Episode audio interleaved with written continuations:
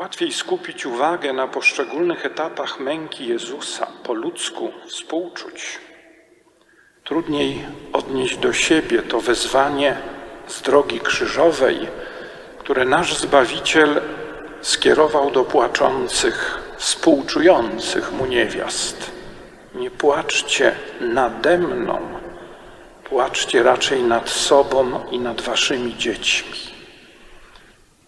Te słowa Jezusa prowadzącego, prowadzonego na zabicie okrutne, są przecież adresowane do każdego z nas.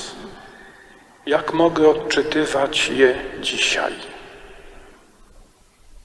Trzeba najpierw uświadomić sobie głęboko prawdę o Bogu, który z miłości do człowieka wydał samego siebie. Syn Boży stał się człowiekiem dla nas i dla naszego zbawienia.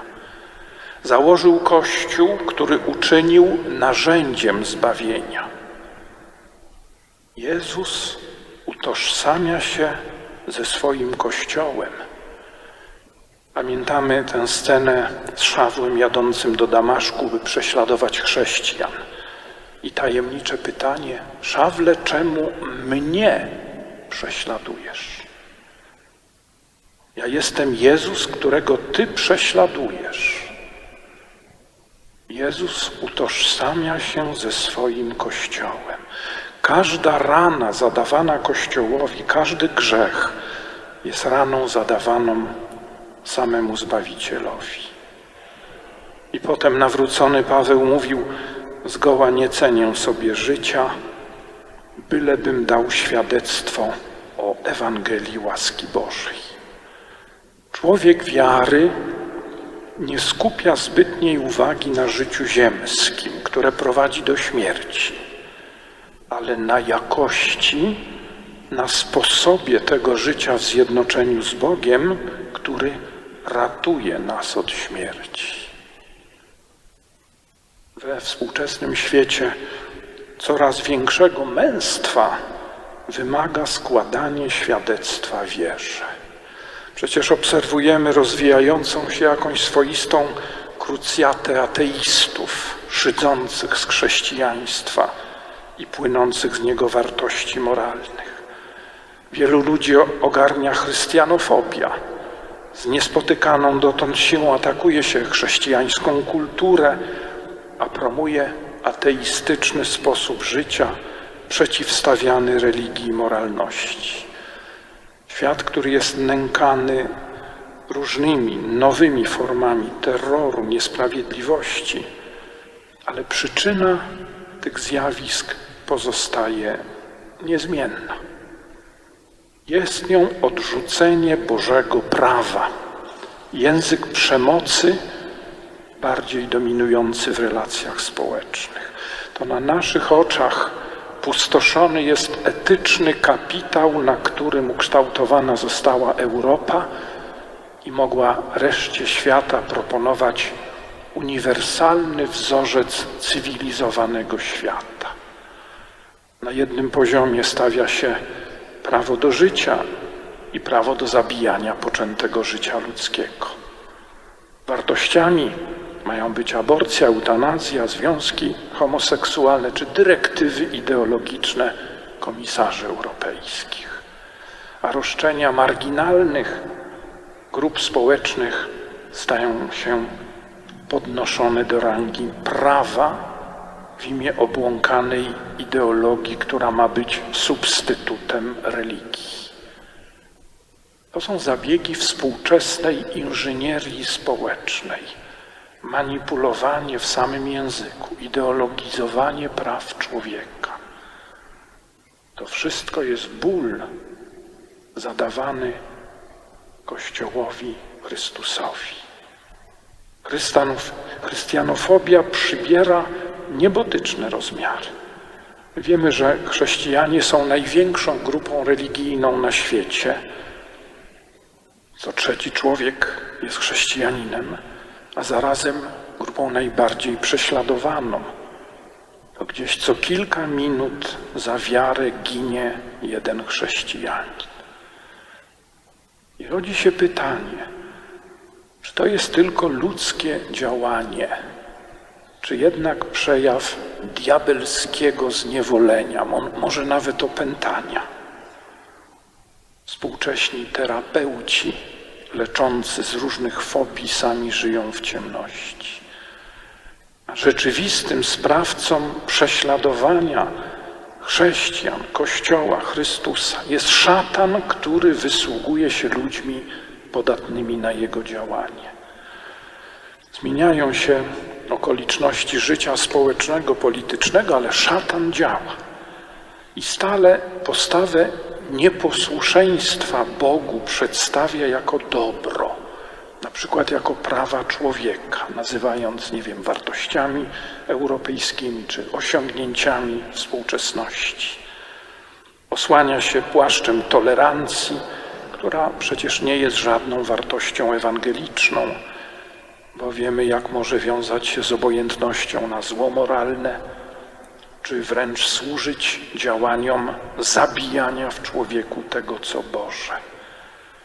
A przecież przez żadne prawa ludzkie, jak zapisał Sobór w Konstytucji, godność osobista i wolność człowieka nie da się tak stosownie zabezpieczyć, jak przez Ewangelię Chrystusową powierzoną Kościołowi.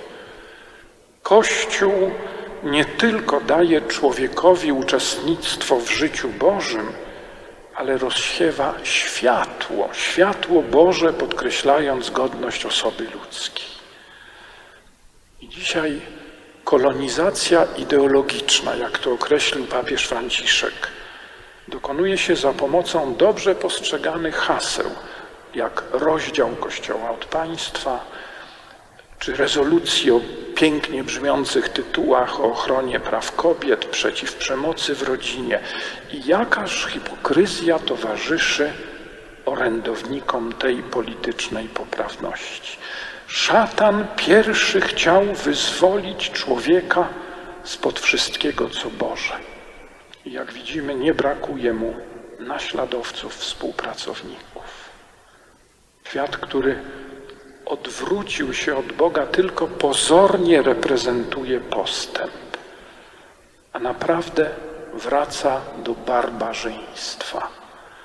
Pogaństwo nie jest żadną nowoczesnością, ale powrotem do zamierzchłej przeszłości, czyli niedoli człowieka nierozpoznającego objawienia Boga.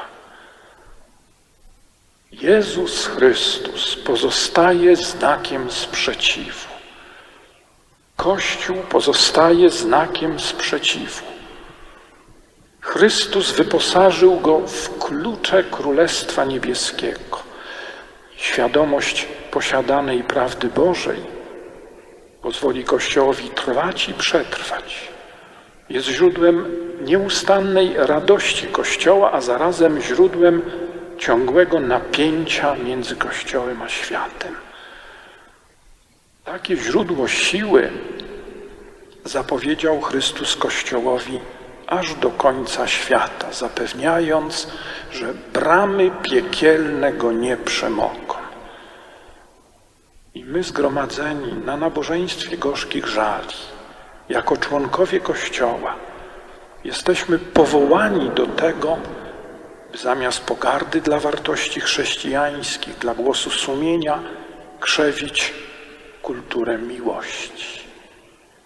Wewnątrz chorej rzeczywistości powinien znajdować się zalążek dobra, który może uzdrowić, przywrócić życie. Trzeba pomagać człowiekowi uwalniać się od tej wewnętrznej goryczy, którą jest brak Boga. Jezus pragnie mieć ewangelizatorów z duchem którzy będą głosili dobrą nowinę nie tylko słowem, ale życiem. Prawdziwa troska o Kościół zakłada troskę o wiarę, o osobiste doświadczenie Boga, o własną wierność, bo pierwszym warunkiem umożliwiającym wiarygodne głoszenie Ewangelii jest moja wiara, moja wierność Bogu, moje świadectwo miłości. Człowiek spotykający Boga potrzebuje kogoś, kto by go wsparł i dopomógł trwać razem w Bożej miłości. Franz Xaver Kaufmann w książce Czy chrześcijaństwo przetrwa mówi o przekonującej mocy osobistych doświadczeń. Pisze, że są one tak samo przekonujące dla doświadczających Boga, jak każde inne doświadczenie odbierane bezpośrednio zmysłami, a przeważnie są o wiele silniejsze i bardziej przekonujące. I to wymaga nie tylko głoszenia, ale czasami osobistego towarzyszenia poszczególnym osobom, zwłaszcza młodym. Dzisiaj, gdy śpiewamy lament o Jezusie zaprzedanym za trzydzieści srebrników, wydanym całowaniem zdradliwym, od pospólstwa zelżywie znieważanym, od fałszywych dwóch świadków za zwoziciela niesłusznie podanym. Powinniśmy myśleć także o Kościele, z którym Jezus się utożsamia. I On pragnie, byśmy nie nad Nim płakali, ale nad sobą. Pobożność, w tradycje religijne też może wkraść się rutyna, puste słowa, bezmyślność. Obojętnością też można przyklaskiwać współczesnym terrorystom ideologicznym, którzy chcą zabić duszę w człowieku. Czy wola Boża jest dla mnie rozstrzygająca w każdej sprawie? Czy za mocno nie oddziałuje na mnie świat? Skoro wyznaję, że wierzę w jednego Boga, Stworzyciela wszystkich rzeczy, to deklaruję, że jestem Jego dziełem, że On ma do mnie wszystkie prawa. Skoro wierzę w Jezusa Chrystusa, Syna Bożego, to znaczy, że Jego nauka jest dla mnie wiążąca. Skoro wierzę w Ducha Świętego, Pana i Ożywiciela, to znaczy, że wiążące dla mnie są Jego wskazania, a nie sprzeczne z nimi oferty tego świata. Jak wyznaję wiarę w jeden święty, powszechny i apostolski Kościół, to uznaję, że właśnie Kościół jest środowiskiem mojego dojrzewania, w jego nauce wyraża się wola Boża i że w tym Kościele chcę żyć i umierać. Czuwajcie, bo wasz przeciwnik diabeł krąży jak lew ryczący, szukając kogo by pożarł. Wy zaś sprzeciwiajcie mu się mocni w wierze, pisał święty Piotr. Także to dzisiejsze nabożeństwo gorzkich żali ma służyć naszemu umocnieniu w wierze. Byśmy się nie dali zniewolić przez szatana ojca kłamstwa, a żyli w wolności dzieci Bożych.